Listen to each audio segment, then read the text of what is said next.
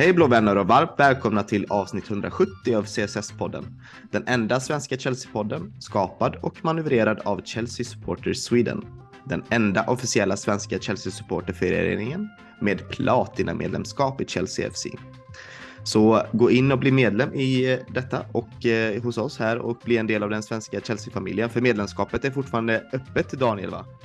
Ja men det är det, absolut. Och vi hade ju en stång, äh, stor lång prata om detta inledningsvis i förra podden. Så att äh, vi behöver inte nämna det allt för djupt den här gången tänker jag. Men äh, försök få tummen ur ni lyssnare där och lägg de här knappa 200 spännen på att bli medlemmar i CSS. Det hjälper oss jättemycket och vi tycker det är jätteroligt om ni kommer in i gemenskapen på riktigt. Mer information finns på vår hemsida på Svenska fans, www.svenskafans.com England Chelsea. In och lös medlemskap innan det blir för sent. Mm.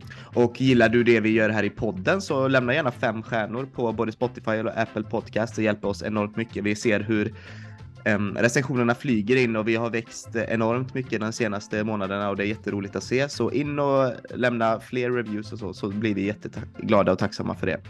Uh, vi är mitt uppe i VM Daniel. Tack uh, för att du är med och välkommen till podden uh, officiellt då.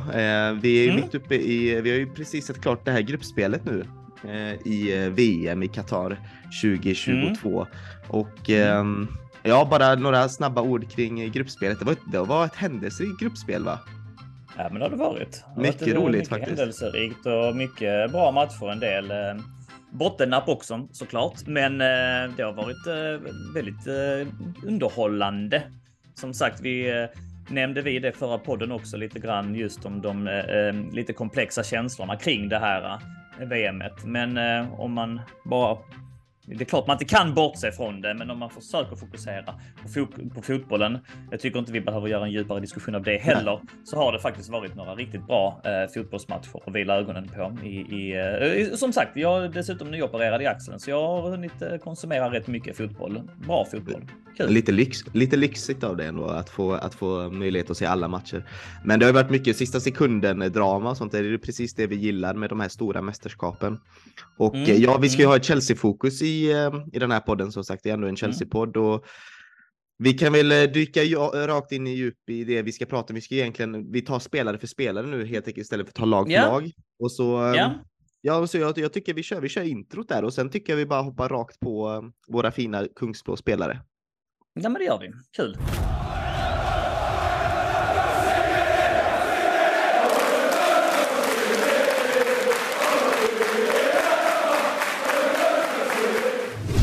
Så ja, då har jag alltså eh, börjat med att säga till Daniel här precis innan vi spelade in att jag har ju inte haft möjligheten att se alla matcher. Jag kanske borde också opererat mig eller någonting för att eh, sitta hemma och ha bra ursäkter för att titta på alla. Men jag har försökt kolla de matcherna som jag har kunnat se i alla fall. Och ja, eh, ja de, den, alltså för mig bara, om, vi, om jag bara, det största utropsträcket för mig är ju någonstans ändå Christian Pulisic. Ehm, jag vet inte om du vill börja med honom kanske, men eh, jag, jag tänker att gärna... vi kan ta honom lite senare, men jag håller med dig om att han har gjort en väldigt bra, eh, ett väldigt bra gruppspel och fått mycket rubriker. Eh, mm. så, så, det är faktiskt jätteroligt. Är det någon mer som imponerat på dig? Nej, men alltså det är väl Kroatiens mittfält överlag då. Kovacic mm. eh, jämte mm. Brozovic och Luka Modric mm. ser ju väldigt stabila mm. ut och hans Mm. Kovacic kommer väl undan rätt mycket eftersom han i många fall är kanske vår bästa mittfältare över, över säsonger och över mm. omgångar och sånt där. Men han har ju nästan råd med mm. lite fler misstag i, i det här i det här mittfältet och äh, han, det ser väldigt stabilt ut. Och jag tycker Mandi har spelat upp sig och Koulibaly med så. och sen Så nej, det mm. finns mycket att prata om. Så jag tycker vi kör. Eh, mycket strössel där ute. Ja. Det finns det. Vi har, har vi rättat upp?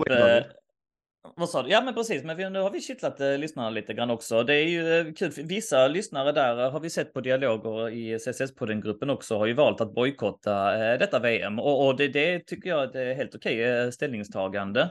Um, och, men så vill man ändå liksom höra lite grann hur det går för Chelsea-spelarna utifrån den aspekten i den här podden väldigt nyttig nu som vi gör det här liksom eh, eh VM-specialen så att säga. Och, och som, som vi eh, sa inledningsvis så, så förra podden så dammade vi av eh, förutsättningarna och hela första omgången. Och nu kommer ju matcherna kloss så att här får vi försöka damma av de, de, de två nästkommande då omgångarna, gruppspelet så att säga. Och så gör vi en liten halt för att eh, åttondelsfinalerna börjar redan idag. Vi spelar in här alltså lördag morgon och eh, ja, det är den, det, det, det, det lilla fönstret vi hittade här för, för denna veckas podd. Eh, mm. Men när vi spelade in förra fredagen, så minns du det, så avslutade vi alltså med att eh, lite kittlande skulle vi sätta oss ner, eller jag i alla fall skulle kolla Wales.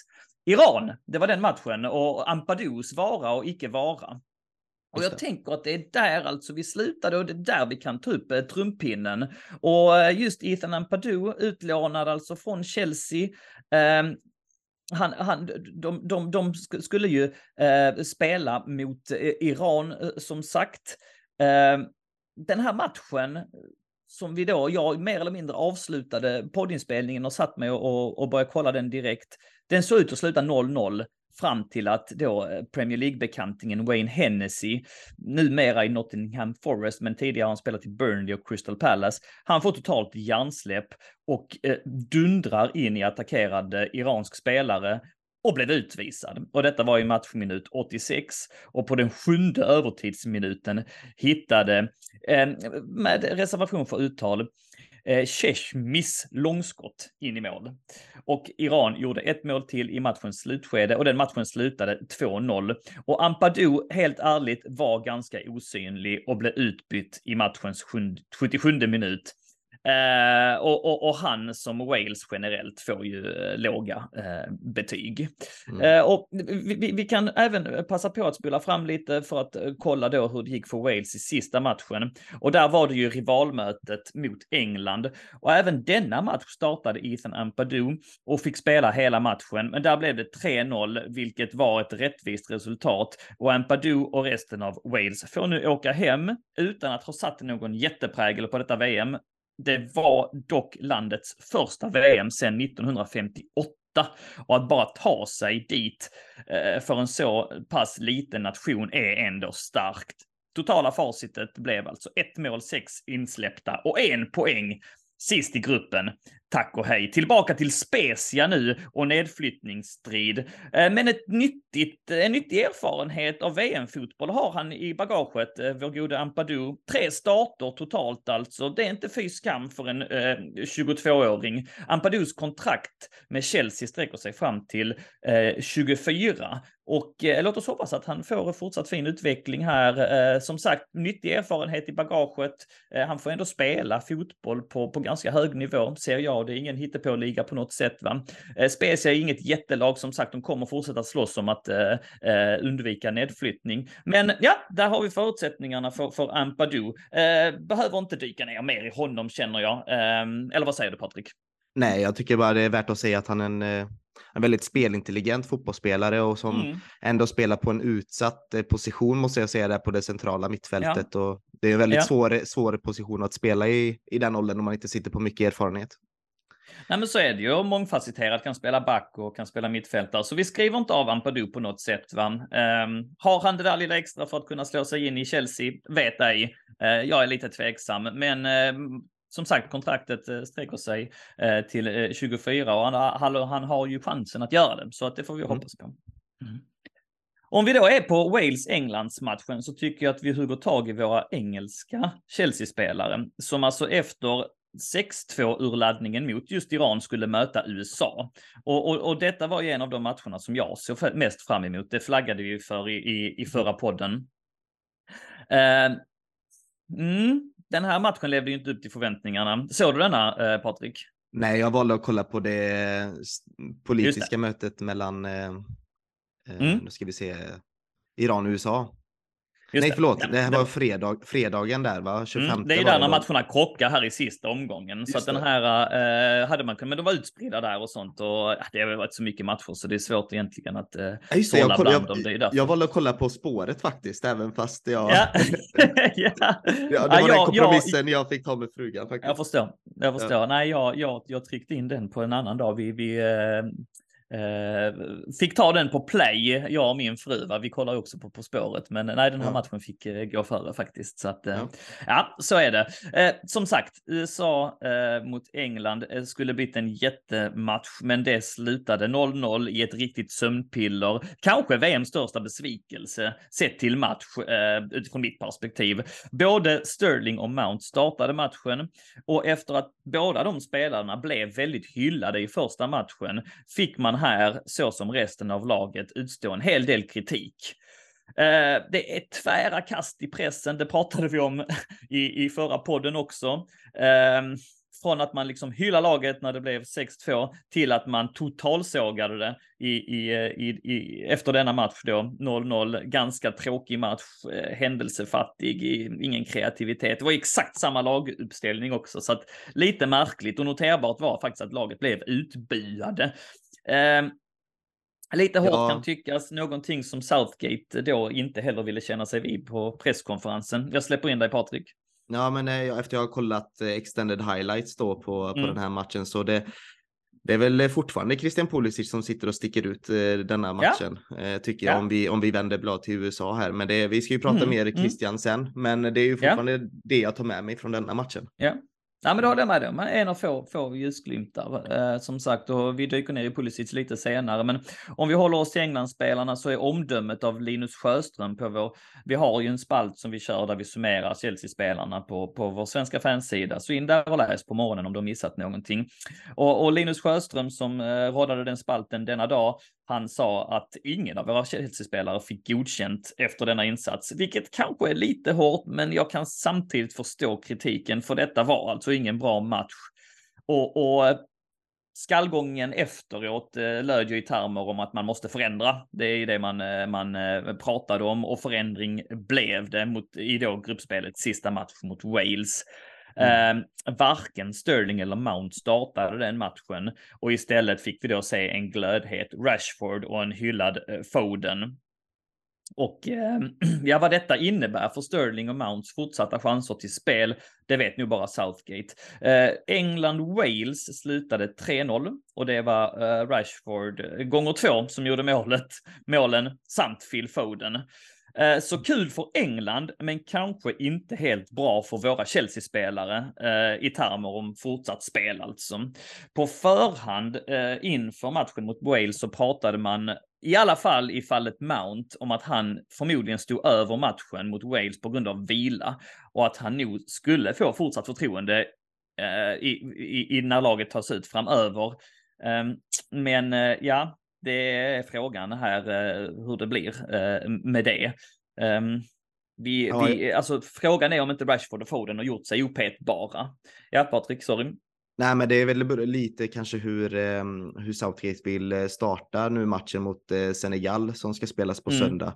Om man kör mm. med, med 4-3-3 eller lite 4-2-3-1 som ja. man spelade då mot, yes. mot USA. Så om ja. Mount ska spela så förmodligen så tar han väl Hendersons plats där då som kanske ja. inte rosade marknaden helt heller. Men ja, Nej. vi får se hur, hur han startar. Men blir det 4-3-3 ja. så ser jag nog det som lite svårt efter eh, mm. Rashfords mm. och Fodens insats då framför allt. Ja, Mm. Det jag noterar här också är ju att, eh, som jag tycker man eh, missar helt i pressen när jag har kollat rubrikerna och dykt ner lite i artiklar, det är ju att Wales är ju ett bra mycket sämre lag än vad USA är. Och, och, det kan ju ha spelat roll liksom för utgången av matchen och även spelarnas prestationer. Men eh, kanske funderar och vet Southgate det också och det, det kanske tas i beaktning när laget tas ut eh, i, i, eh, i slutspelet. Men det mm. vi vet är att England vann gruppen och är ännu obesegrade i detta VM. Um, som du sa, Patrik, England möter Senegal i VMs åttondelsfinaler och den matchen spelas imorgon söndag klockan 20.00. En parentes i sammanhanget är att Conor Gallagher, som vi sa i förra podden redan, han har inte och kommer förmodligen mest troligt inte att få några minuter heller i detta VM. Han är ju med bara för att liksom eh, se och lära lite grann och är ganska långt ifrån eh, startelvan, känns det som. Så att, eh, mm. Mm. Nyttig erfarenhet. Ja, men det är det på, på det sättet också. Ja. Ja, eh, Senegal då, om vi tar segwayen över eh, dit Patrik. Eller förlåt, vi, ska, vi, ska vi hålla lite grann vid England? Tror du att, eh, att eh, Mount och Sterling har chanser att slå sig in i startelvan här nu till eh, Senegal-matchen? Mitt Chelsea-hjärta vill ju säga ja. Eh, mm. Sen tycker jag väl att både Rashford och Foden har förtjänat, förtjänar väl sina platser om de får starta. Det är väl lite up for grabs där tror jag. Ehm, det är inte så direkt hur de kommer prestera på träning eller någonting, utan när det är mästerskap och så här få matcher på kort tid, då är det ju, då är ju form allting nästan för om man ska vinna matcher. Ehm, så nej, jag tror det kan bli svårt för dem att kanske starta. Mount tror jag kanske är lite mer trygg än Sterling i alla fall. Mount eh, ger mycket mer till mm. laget eh, än mm. vad än vad Sterling gör så. Um, ja, jag frågan tycker, är också här va nu för att Saka blir också uh, vilad så att säga och frågan är liksom inte om, om Saka är ännu mer favorit än vad Mount är i Southgates bok. Men det blir väldigt intressant att, att följa i alla fall. Det är klart att vi hoppas att det åtminstone Mount, för alltså man, man får ju ändå räkna med den enorma presentation, eller prestationen som han stod för i Iran-matchen. Så att uh, mm. ja, det, ja, men det, det, det känns också lite spännande. som att eh, engelsmännen redan är i kvartsfinal. De, eh, media verkar ju porträttera det mm. på det sättet att man pratar inte så mycket om mm. Senegal mm. utan man pratar redan Nej. kvartsfinal lite och det är lite farligt eh, för engelsmännen. Ja, men så är det. Så är det. Ja, och där hittar vi segwayen till Senegal för att eh, som, som du är inne på eh, Patrik så eh, om vi eh, hade lite kritik mot England då i deras, eh, i synnerhet mot matchen eh, mot USA, så eh, kritiserade vi väldigt mycket Senegal efter deras första gruppspelsmatch. Men vi var, vi var hårda mot, mot, mot, mot både Koulibaly och framförallt mot Mendy i förra mm. podden. Alltså han fick mycket skit och utsikterna var allt annat än ljusa. Det är de förutsättningarna vi har här.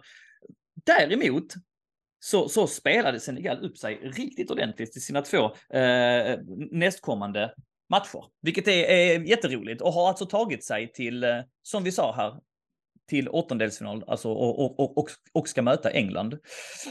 Eh, Mendy gjorde några riktigt svettiga räddningar i den matchen och eh, eh stod för en fantastisk insats Um, och det är alltså, jag pratar nu om uh, Senegal-Qatar som också spelades uh, på fredagen. Framförallt hans räddning på Almeos skott där han fick sträcka ut hela sin fulla längd. Men han gjorde även en reflexräddning på Mohammad Snick från väldigt nära håll. Alltså 3-1 mm. blev det i den här matchen till Senegal och Mendy som blev mycket kritiserad för sin match mot Holland stal alla rubriker i denna Eh, Eh, match. Han släppte in en otagbar nick i matchens andra halvlek och som sagt 3-1 blev det. Men lyssna på detta. Mendy shines as Senegal wins over World Cup host Qatar, stod det exempelvis på goal.coms löpsedel.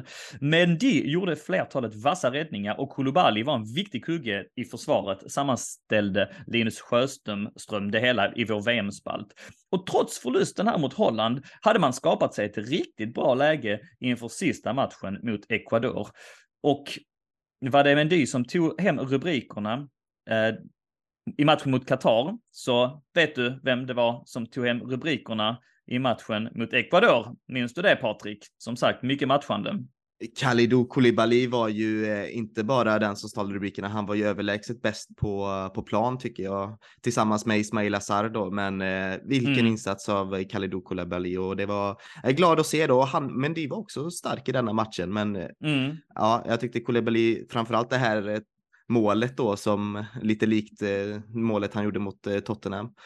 Mm. Eh, gör inte bara att hans eh, betyg höjs, men även insatsen i försvarsspelet var oerhört stabil. Väldigt följsam, positionssäker och det är väl den Koulibaly jag har lärt känna den senaste åren som vi fick se denna matchen. Helt rätt. Uh, a captain's performance at both ends, dragging his nation to victory, kunde man läsa i 90 minutes, som ger Koulibaly en nia. Och uh, som du är inne på, han var ett monster i denna match alltså. Han tog allt. Uh, och dessutom då satt han matchens avgörande mål på en fin volley i matchens 70 minut. Eh, men det gjorde också en hyfsad insats, sattes inte allt för mycket på prov ska man väl vara, vara ärlig och säga. Men, men i alla fall har pendeln svängt. Chelsea-spelarna i England som jag sa har fått en nedsving och Chelsea-spelarna i Senegal, när vi sitter här och spelar in denna lördag, har fått sig en riktig uppsving. Eh, mm. Det är förutsättningarna ur ett Chelsea-perspektiv inför söndagens möte, där de alltså gör upp England-Senegal. Spännande! Ja, vad tycker du här då? Alltså det är ju egentligen två matcher som sticker ut för mig här nu när jag, som jag ser mest för fram emot i åttondels. Det är ju framförallt kanske då Marocko och Spanien som känns lite oviss mm. och rolig. Men sen mm. är det Senegal England som eh, mm. ja, jag tror att England kan åka på en eh, riktig nitlott här alltså. Ja, det är möjligt. Ja, det är möjligt. Ja, Senegal mm. har formen i ryggen och ja, mm. vi får se.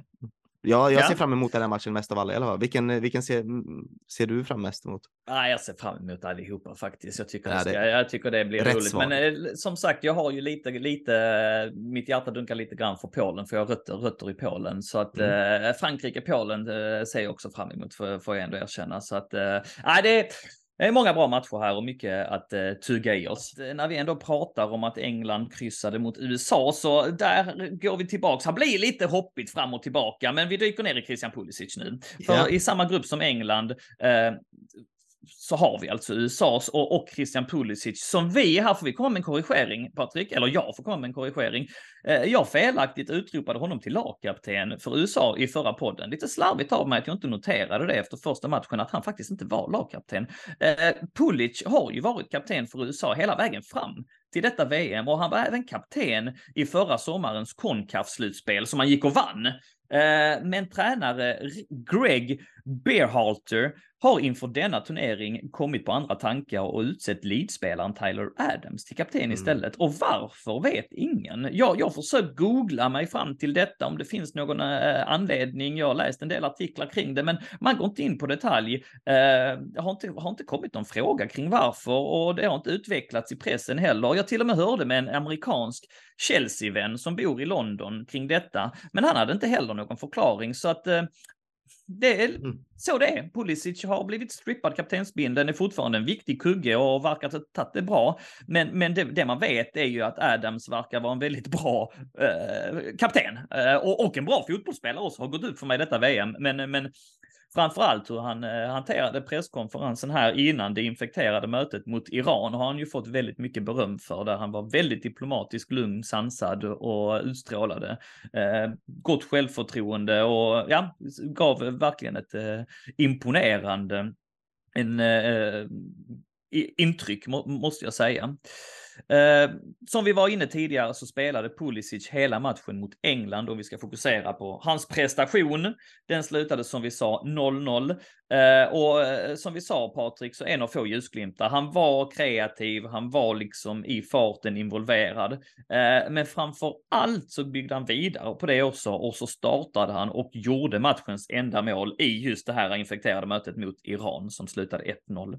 Ja. Mm. Han kolliderade med målvakten, vilket blev, det blev en stor smäll och jag trodde från början att det var en huvudskada. Eh, men det som kommit ut eh, i pressen efteråt, det rör sig snarare om att det är bäckenet som fått sig en törn och Pulisic själv instagrammade från sjukhussängen, vilket gav hopp. Men även då eh, tränaren är hoppfull inför Pulisic medverkan vidare spel i detta VM. Det ska bli USA... intressant att se om han spelar idag. Ja men precis, precis. Mm. USA slutade tvåa i denna grupp med fem poäng och, och, och eh, har således heller inte förlorat någon match. Eh, och, och i och med att man slutade tvåa så ställer man upp mot Holland idag. Det kommer alltså eh, spelas den här matchen eh, ganska tätt inpå när vi får ut den här podden. Så att eh, 16.00. Eh, ingen paus här inte. Det är värt att nämna också som sagt gruppspelet går ju kloss alltså med slutspelet. Och, och eh, när gruppspelet tog slut här under fredagen så börjar slutspelet direkt här på lördagen. Tror du att USA har någon chans eh, mot Holland, Patrik? Så ja, det är klart de har en chans. Det är, mm. Man ska inte räkna ut någon och någonting detta Nej. mästerskapet har visat oss. Det Nej. är väl att det är mycket skrällar på mm. gång. Så Mm, ja, mm. absolut har de en chans, Mm. men vi får se. Det, Mm. det, allting beror ju på hur eh, nu har jag ju hört att det är mycket skador och går någon influensa i Holland med, eller i Mm. Nederländerna då om vi ska vara korrekta här. Mm. Så eh, man vet ju aldrig heller vad, hur, hur formen ser ut. Om Nej. eh, Tony Gapko håller sin form så blir det väl svårt att slå USA, men annars tycker jag väl ändå inte de har imponerat så jättemycket i Nederländerna. Nej, Mm. precis. Nej, jag håller med dig. Och, eh, men Pulisic har ändå gjort det alltså. Så här långt Mm. så är den generella uppfattningen både i pressen, bland oss Chelsea-supportrar, tongångarna på Twitter, att han gjort väldigt bra ifrån sig. Och han fick fina hyllningar för sitt matchavgörande mål, eh, sitt uppoffrande spel, sin kreativitet. Om det innebär att han faktiskt har en, en sportslig chans på att slå sig in i startelvan i Chelsea, eller om det bara innebär att, han höjs, eh, att hans marknadsvärde höjs för att nu börjar han kopplas ihop med lite olika klubbar här redan i januari. Det återstår att se. Men kul för Pulisic i alla fall. Ja, en ledare på plan. Liksom, det är någonstans Mm, det jag vill mm. lyfta. Att han, eh, han Ja. tar ju ansvaret med, med rätt Verkligen. attityd tycker jag och rätt Ja. inställning. Och han gör mål och är avgörande i, i de här avgörande matcherna. Så nej, det är väldigt kul att se eh, honom spela för USA. Jag önskar att han kunde ta med sig det här självförtroendet när han sätter på sig Ja. den andra blå tröjan han representerar. Precis, precis. Mm. För att säga vad man vill, det är inte så att han inte har fått chanser i Chelsea. Det är faktiskt så att han, han inte har lyckats steppa upp när det har gällt. Va? Men eh, som sagt, det är bra med eh, några goda prestationer och är det så att han kan bygga lite självförtroende och komma in här i andra halvan, om man får kalla det det, i Premier League eh, efter detta mästerskap så är det ju mer än välkommet såklart. Vi har inte gett upp på Pulisic, ja du, det har vi sagt tidigare också. Så att eh, så är det med det. Precis, så är det. Därför flyttar vi oss till grupp E där Spanien och Aspilicueta har haft en intressant resa. Som vi tog upp i förra podden så vann man med 7-0 mot Costa Rica i första matchen och Aspi blev ju rättmätigt hyllad. I andra matchen stod han dock över till förmån för Carvajal. Vi måste här notera, och det tog vi också upp i förra podden, att Carvajal är en riktigt bra spelare eh, som spelar alltså i Real Madrid och eh, att han egentligen konkurrerade ut honom i första matchen. Det är ehm, Ja, får man sätta ett utropstecken bakom. Verkligen. Eh, verkligen. och, och att Mm. man kör lite rotation där är inte heller konstigt. Ehm, 1-1 blev det i den här matchen som spelades alltså mot Tyskland. Eh, och uh, Aspilicueta blev inte inbytt. Ehm, I sista gruppspelsmatchen skulle man säkra gruppsegern genom att antingen vinna eller kryssa mot Japan. Men vad hände? Jo, man förlorade. Och det här var en intressant match för Aspi, för att han startade, återigen, han gjorde bra ifrån sig. Han la ett perfekt inlägg på Moratas huvud och den har vi sett förr, vi Chelsea-supportrar, Ja. eller hur? Ja, Inlägg eh, från Aspi till Morata. Alltså kopia på rätt många mål som eh, de, det paret gjorde när Morata spelade i Chelsea. Men vad hände sen? Han blev utbytt i paus. Helt obegripligt. Carvajal byttes in i andra och här har jag då alltså googlat och försökt leta mig fram och hört med vänner om det har kommit någon förklaring. Nej. Var det skada? Nej, det tycks inte vara någon skada. Men vad händer då när Aspilicueta blir utbytt? Jo, i andra halvlek så gör ju faktiskt Japan två mål och Spanien förlorar. Och de förlorade även gruppsegern. Och de var faktiskt utslagna i några minuter också, när Tyskland under några minuters tid låg under mot Costa Rica. Återigen, jag har försökt leta ef- efter info kring varför Aspi byttes ut, för jag tyckte det var obegripligt. Han fick väldigt fina hyllningar. I Marca beskriver man bytet som fullständigt oförklarligt och man menar att Aspi var ju en av få ljusglimtar glimtar i den här matchen. Återigen, ser inte ut som att det är någon skada bakom, men eh, kan tänka du- mig att det borde ändå stärka Aspis chanser att få starta framöver i och med detta händelseförlopp. Eller, eller vad säger du? Ja, men tror du inte att man vill kanske spela in eh, Carvajal lite in i, in i laget lite mer och in i systemet och in i, i någon slags VM-form? Att det är egentligen det Luis Ja. Enrique vill spela då när man går för att vinna och att Aspilicueta ska användas mer som en, ja, men som en stabil defensiv kugge som man kan lita på. Utan men Carvajal är för att avgöra matcher och komma runt runt kanterna. Vad tror du? Tror du inte det är för att spela in Carvajal lite mer? Möjligt. Möjligt. Jag vet inte. Jag tycker det, är, det vi vet är ju att Luis Enrique är en märklig tränare. Han gör, han drar sig inte från att eh, ta tuffa beslut och, och, och peta nyckelspelare och, och spela, alltså göra konstiga byten och sånt där. Så att det är möjligt det ligger någonting i det, men eh, ja, jag tyckte det var det uppseendeväckande och, och värt att i alla fall prata lite kring. Eh, detta innebär att Spanien kom tvåa i gruppen, vilket egentligen gjorde att de får möta Marocko, va? Och så att det, det är inte, det är inte så att man fick alltså Eh, det, det kanske inte spelade någon jätteroll egentligen, men det är alltså Marocko som står nu på eh, nästa eh, motståndares planhalva i åttondelsfinalen i en match som spelas på tisdag klockan 16.00. Slipper man Kroatien? Eh, vad tänker du då på? Nej, då slipper man ju kro möta Kroatien och det är ju rätt skönt. Precis, man slipper möta Kroatien. Exakt, ja. Så att eh, det är just det jag tänkte på. Frågan är om inte de lagen är liksom lite mm, jämbördiga, även om då Kroatien tog sig till VM-final förra gången. Men ja, det vet man inte ifall man får äta upp att man faktiskt förlorar den här matchen. Det var ju ett kontroversiellt mål där i slutet också, en boll som eventuellt var över linjen, men äh, väldigt kul att se det japanska firandet och kul för, för Japan Verkligen. som land också. Ja. Det är kul med två asiatiska lag i slutspel. Ja, men så är det. Mm. Den där eh, gruppen, eh, som vi sa, Japan vann den alltså och det innebär att Tyskland hamnade trea och åkte ut. Och vi minns den där snöpliga 2-1 förlusten mot Japan som vi pratade om i förra podden där vi även hade då ett inslag av Kevin Bader. Den följdes alltså upp med 1-1 mot Spanien. Och eh, vi, vi pratade eh, kring eh, ifall det skulle bli, framförallt med en, med en då väldigt kritisk Kevin Bader. Vi, vi pratade om det skulle bli rotation i startelvan eh, eller eh, hur det skulle se ut här framöver i det tyska laget. Eh, och mycket riktigt så blev det rotation i startelvan till Spanien-matchen. Man tryckte in Goretzka och flyttade upp Müller och då fanns inte plats för Havertz.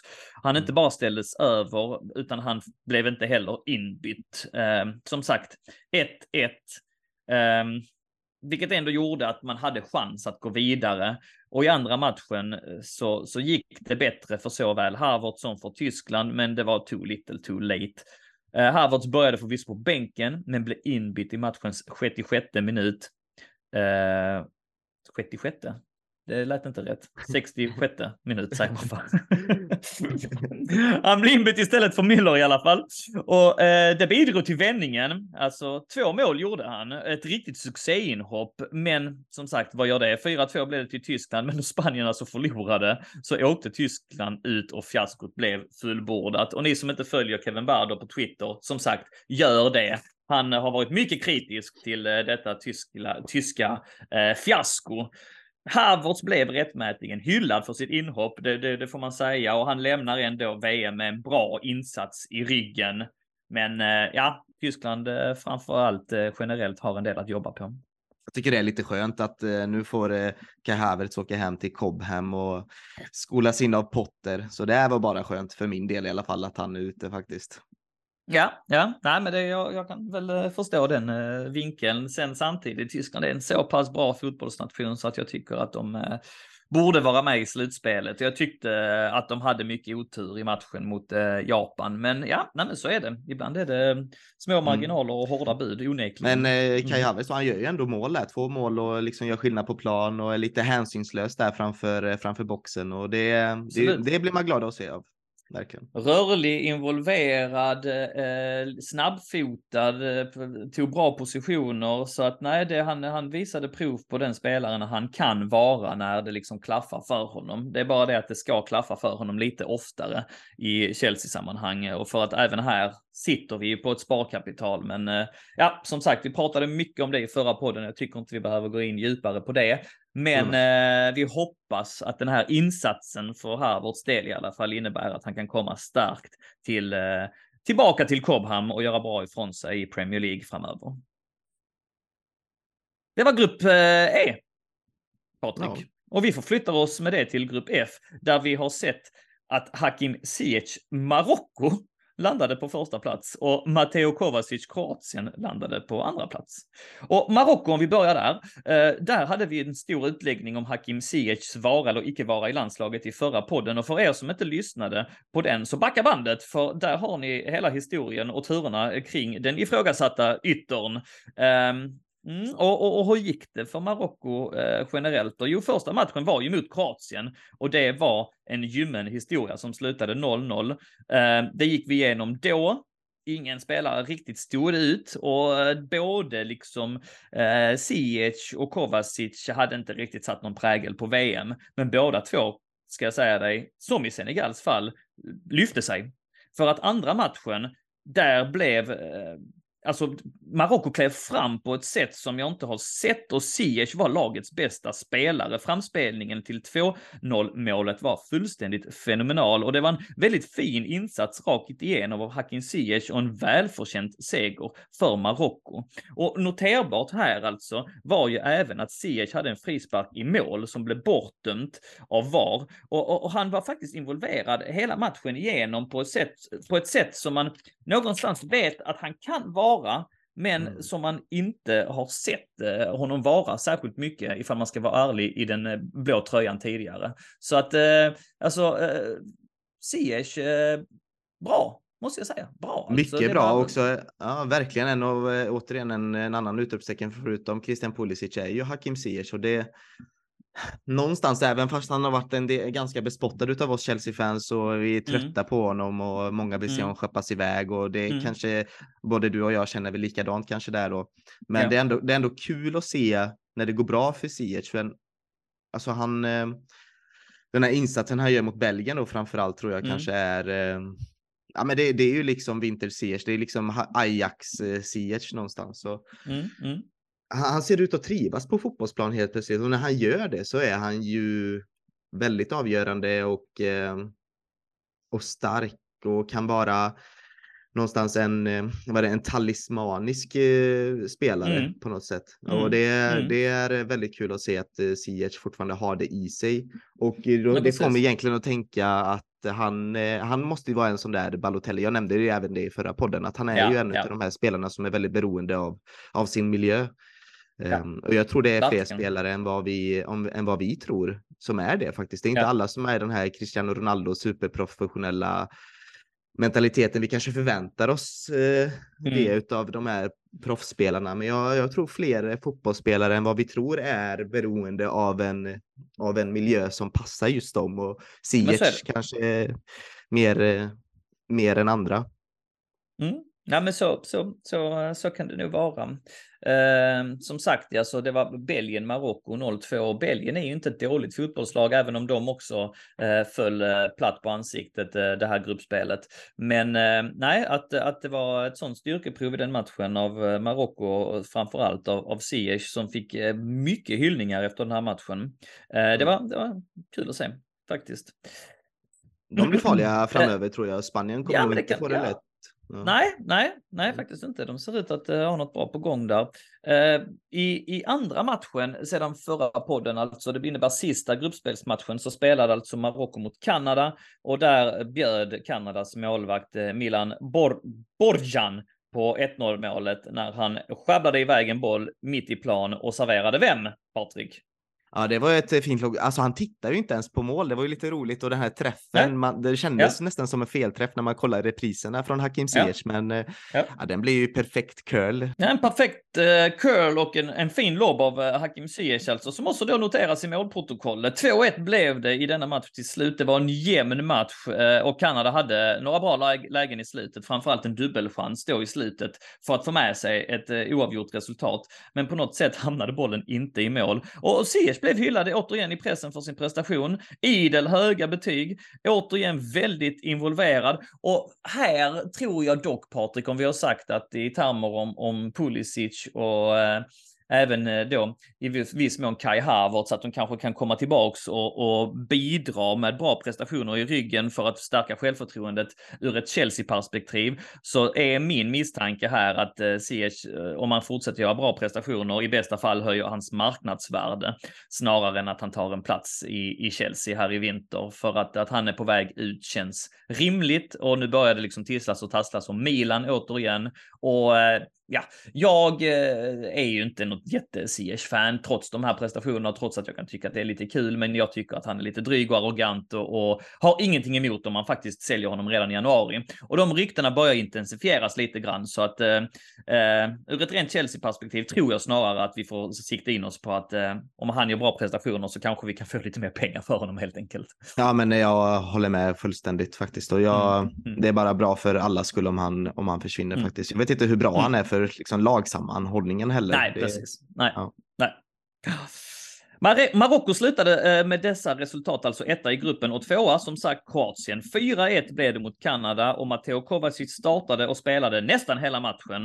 Eh, han blev utbytt i slutet. Han noterades för noll mål och noll assist, men är ändå en av de spelarna som får mest beröm i pressen. 90 minutes gör honom faktiskt till man of the match och ger honom 9 av 10 och de hyllar hans otröttliga löpningar från box till box completed 93% of his passes, snagged nine recoveries and created four chances. In a masterclass gick det att läsa i Daily Mail. Så att eh, som sagt, den här gruppen, både Ziyech får mycket beröm, men även Kovacic får mycket beröm.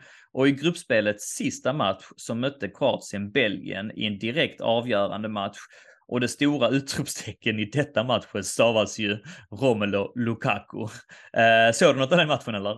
Ja, den här såg jag med väldigt intressanta ögon och herregud, ja. alltså jag vet inte ja. riktigt vart jag, vad jag ska Nej. börja med, med Lukaku. Men jag vill, jag vill ta fart vid Kovacic lite. Att mm. Han, mm. Eh, jag började, jag inled, vi inledde ju podden med att, eh, att jag sa att eh, just det här tremanna mittfältet då med Luka Modric, ja. Brozovic och Kovacic gör att Kovacic får, det är en ytterligare dimension. Vi, vi förlitar väldigt mycket på honom i, i vårat mittfält när han nästan agerar som den enda, liksom inte box till box spelare, men det är nästan han som mm. länkar vårt eh, försvar mm. och anfall på bästa sätt då.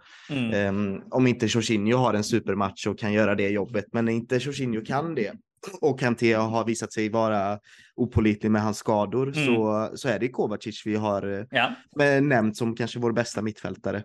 Absolut. Och eh, jag tror att just det här tremanna mittfältet då, eller just kvaliteten på det här tremanna mittfältet tillåter Kovacic att vara lite mer ska vi kalla det experimentell liksom i, mm. i, sitt, i sitt spelande och han länkar ju, tycker jag, bättre från mittfält till anfall än vad han har gjort kanske denna hösten i Chelsea. Just mm. för att de här, han är en bra väggspelare också. Ja, visst, visst. Glöm, box to box. Och, ja. Ja. Nej, nej, verkligen ja. imponerande insats av honom. Ja, så jag tycker att han, eh, jag tycker kanske Graham Potter kan kolla lite extra på det och se att alltså, hur viktigt det är att vi förnyar vårt mittfält liksom. Ehm, för ja. Kovacic skull också. Jag tycker inte vi ska. Ja, jag håller med. Han har, kan eh, få, få ut mer av honom, men jag tänker ja. att det är en diskussion som vi kan ta till nästa podd också för att ehm, eh, just ur ett Chelsea perspektiv är det väldigt intressant hur vi faktiskt får ut de, det bästa av de här spelarna som har gjort bra avtryck i Precis, eh, detta VM och vi hoppas att han bygger vidare på det här prestationen också, Kovacic såklart.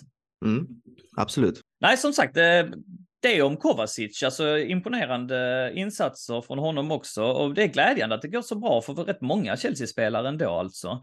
Mm. Eh, återigen den här eh, matchen här, 0-0 mot, eh, mot Belgien som har fått utstå mycket kritik, också mycket interna strider och de byter alltså in Romelu Lukaku, en annan Chelsea-spelare, förvisso på lån, i eh, andra halvlek, eller till andra halvlek. Lukaku alltså stod för ett historiskt uselt inhopp där han brände fyra helt öppna lägen. Det är alltså helt eh, remarkabla missar. Alltså en kon hade gjort mål vid något fall. Eh, och, och, och hade han fått in någon av dem hade ju Belgien gått vidare. Men eh, alltså det här, den här insatsen där, inhoppet, det, det kommer ju bli YouTube-film och det kommer alltså, det, det, det är bland det sämsta i VM-sammanhang någonsin alltså. Såg du det? Ja, ja, ja, gud alltså det var um, synd att det är att han precis har kommit tillbaka från någon skada också, eller synd och synd, det beror ja, på vad ja. man tycker om Lukaku, men han har ju inte, han har ingen, han har ingen edge eh, alls i den här eh, matchen och han hade kunnat bli nationalhjälte ganska, ganska omgående och hitta formen till slutspelet och liksom vända hela det här ja. turbulenta Belgien-gruppspelet till någonting positivt i slutspelet. Men eh, nej, det är som att universum gav honom hur många chanser som helst att bli hjälte, men han, eh, han var inte där och det var inte hans eh, dag. Han hade haft tre, hade han haft tre, fyra chanser till hade han missat dem också. Kändes det Förmodligen, som. ja. ja. Och ja, ja. det, det kommer nog vara mycket memes och mycket klipp på detta framöver och han kommer nog leva med detta kanske till och med hela sitt liv tror jag. Ja, nej, det var mycket intressant alltså. Alltså framförallt det här sista Donny, det här när han, han ja. liksom bröstar in den eller med magen. Ja. Jag vet inte. Är det, alltså, helt, det... helt öppet mål alltså? Så är, är det Hasse Backe ja. eller någonting som säger att äh, han ser inte bollbanan? Men skitsnack, det är klart han, han ser nej, nej, nej, det, nej. det ser han. Det är bara in med ett knä. Eller och även nicken som är liksom helt öppet mål som man lyckas få över och, och stolp. Nej, det var nej, mycket intressant. Mycket konstigt, ja. Historiskt uselt inhopp eh, beskrev jag det som alltså och som sagt hade Belgien vunnit så hade de gått vidare. Nu slutade matchen istället 0-0. Kroatien hade också bra chanser så att det var inte ett orättvist resultat på något sätt. Bland annat hade Kovacic två bra chanser men Courtois visade hur bra han kan vara. Han har också varit ifrågasatt detta, detta mm. eh, VM. Men det innebär att Kroatien alltså möter Japan på måndag i åttondelen och eh, som sagt Marocko möter Spanien på tisdag. Precis. Och nu börjar vi närma oss den här podds eh, slutskede, men vi blåser av Grupp G lite snabbt. Här var det inte sådär jätteintressanta grejer som hände. Vi kan konstatera att Dennis Zakaria, han har fått lite speltid i mm. gruppspelsspelet, mm. eh, i gruppspelets sista match mot Serbien, när han blev inbytt i matchens 69 minut. Och innan dess hade man alltså förlorat mot Thiago Silvas Brasilien med 1-0 i en match där kapten Thiago Silva spelade hela matchen och gjorde det superbra. Och Brasilien var ju redan klara gruppvinnare och ställde upp med ett B-betonat lag i sista matchen mot Kamerun och förlorade, men vad gjorde det? Thiago Silva stod över helt och har nu laddat batterierna inför Sydkorea på måndag 20.00. Och Schweiz slutade tvåa i gruppen och spelar vidare mot Portugal på tisdag 20.00. Mm. Noterbart vi... med, med Thiago ja. Silva, det är 43 landslag eh, matcher han har spelat och, och, inte ett enda misstag han har gjort har lett till varken ett mål eller en målchans. Och det är ju, alltså det är remarkabla siffror. Det måste vi ju bara någonstans säga här att vilken eh, vilken mittback eh, ute i fotbollsvärlden som vi har ynnesten av att eh, njuta av att spela i Kungsblott. Det är eh, fantastiskt och han förtjänar de här hyllningarna som man får veckovis här, både i podden och av andra Chelsea-fans också. Så eh, ja. jag ville bara lägga in extra, ett extra ord för Thiago Silva, återigen. Jag hängde inte riktigt med på den statistiken. Vad sa du? Han måste ju spelat en bra bit över 100 eh, landskamper ju. Nej, det är 43 matcher som han har spelat då som inte har lett till något misstag. Ah, okej, okay. eh, under misstag... 43. Ja, precis ja. Ja, ja, ja okej. Okay. Ja, det förstår det... Ja, ja. Mm, mm, eller ja, som, ja, som har lett till mål eller målchans. Ja, precis. Ja, ja, ja, ja, ja. Mm. ja. Nej, det är ju, eh, ja, som sagt, äh, jätteimponerande. Nej, han är riktigt, äh, nej, riktigt, riktigt bra fotbollsspelare som vi hoppas håller i flera år till. Så är det. Ska vi nämna också att Babaramans Ghana har spelat färdigt och att Babaraman själv eh, faktiskt eh, spelade hela förlustmatchen mot Uruguay. Eh, men han började på bänken och blev inbytt i vinstmatchen mot Sydkorea. Så var det. Eh, I termer om utlånade spelare så, så nämnde vi Lukaku lite tidigare. Eh, idag då trummar slutspelet igång. Det är Nederländerna mot USA. Vi får se hur det blev med Pulisics medverkan, men som sagt, lite hoppfullt ändå att han ska vara frisk och kry till denna match. Och så sen så 20.00 Argentina, Australien. Eh, om du bara tippar vilka som går vidare härifrån, vad tror du Patrik? Jag tror någonstans att eh, USA kan, eh, inte chocka Nederländerna, för det, det är väl att ta i kanske, men jag tror mm. Nederländerna inte är, jag har mycket frågetecken till dem. Jag, jag har mm jag vill fortfarande se lite bättre fotboll kanske ifrån dem och inte att de ska förlita mm. sig för mycket på Gapco. De har ju kommit undan lite i, tycker jag, mm. Nederländerna med ett sådär spel måste jag säga. Va? Har mm. du kollat mycket Nederländerna? Nej, men ja, ja, det har jag gjort. Eh, jag tycker också, håller med dig, att eh, det, det har varit lite sådär. Så att jag tror också USA har goda chanser här mot, mot, eh, mot Nederländerna, absolut. Och så sen så är jag ju lite imponerad av Australien också. Men så som Argentina har spelat upp sig så jag trodde ju, tänkte att där efter första matchen Argentina, eh, att nej men det här Argentina-laget är ju skitdåligt. Men sen så spelade de ju upp sig och mot Polen så var det ju, jag, för jag trodde att Polen har ju säkert en chans här. Va? De kan kanske mm. spela oavgjort eller kanske till och med vinna. Men jäklar vad Polen blev utspelade och det blev 2-0 och, äh, Argentina var, visade hur jäkla bra de är individuellt och som kollektiv. Så att Eh, här borde Argentina eh, avancera, eller hur? Jag, håll, jag håller dem fortfarande som eh, min favorit i detta guldet faktiskt. Ja, men vill utveckla varför? Är det just för dina sydamerikanska gener på något sätt? Ja, nej, men det är sydeuropeisk är jag väl, men jag, jag tror att det är. Alltså det är någonstans, du vet, de har ju alltid haft den här Maradona-förbannelsen mm. över sig. Eh, nu lever ju inte Maradona längre, han är inte med oss. Så nej, jag tror nej, att det kan, det, det kan, vara förlösande för både landslaget och Messi och eh, jag vet inte, det känns bara rätt att det är just Argentina som ska ta det. Eh, och att Messi ska ta hem eh, VM-guldet och någonting befästa mm. sin sin GOAT-status då. Det blir ju en evig debatt detta även när jag är pensionär kommer man diskutera ja. om det var Ronaldo eller Messi. Men ja, ja. ja, det är väldigt ointressant. Men de har ett komplett lag. Det enda, det är väl enda, det är väl mittfältet som jag kanske hade velat se kanske var ett, ett högre snäpp upp. Men jag, jag tycker de har alla komponenter för att vinna ett eh, fotbolls-VM. Brasilien vet vi är har Brasilien en dåliga första tio minuter så finns det ju risk att de tappar det. Eh, jag tror mm. Argentina mm. har lite mer grinta i sig som man säger i Sydamerika och kan kämpa sig tillbaka en, en seger om de skulle ligga under. Så nej, jag, det är väl de och Frankrike som än så länge jag tycker eh, ser bäst ut. Brasilien är ju ett humörlag och mm. eh, ja, jag, jag, vet inte, men jag, jag, tror Argentina, de är kompletta liksom. Jag tycker de har, ja. jag tycker de sitter på allting för att kunna vinna ett VM-guld. Inte för mycket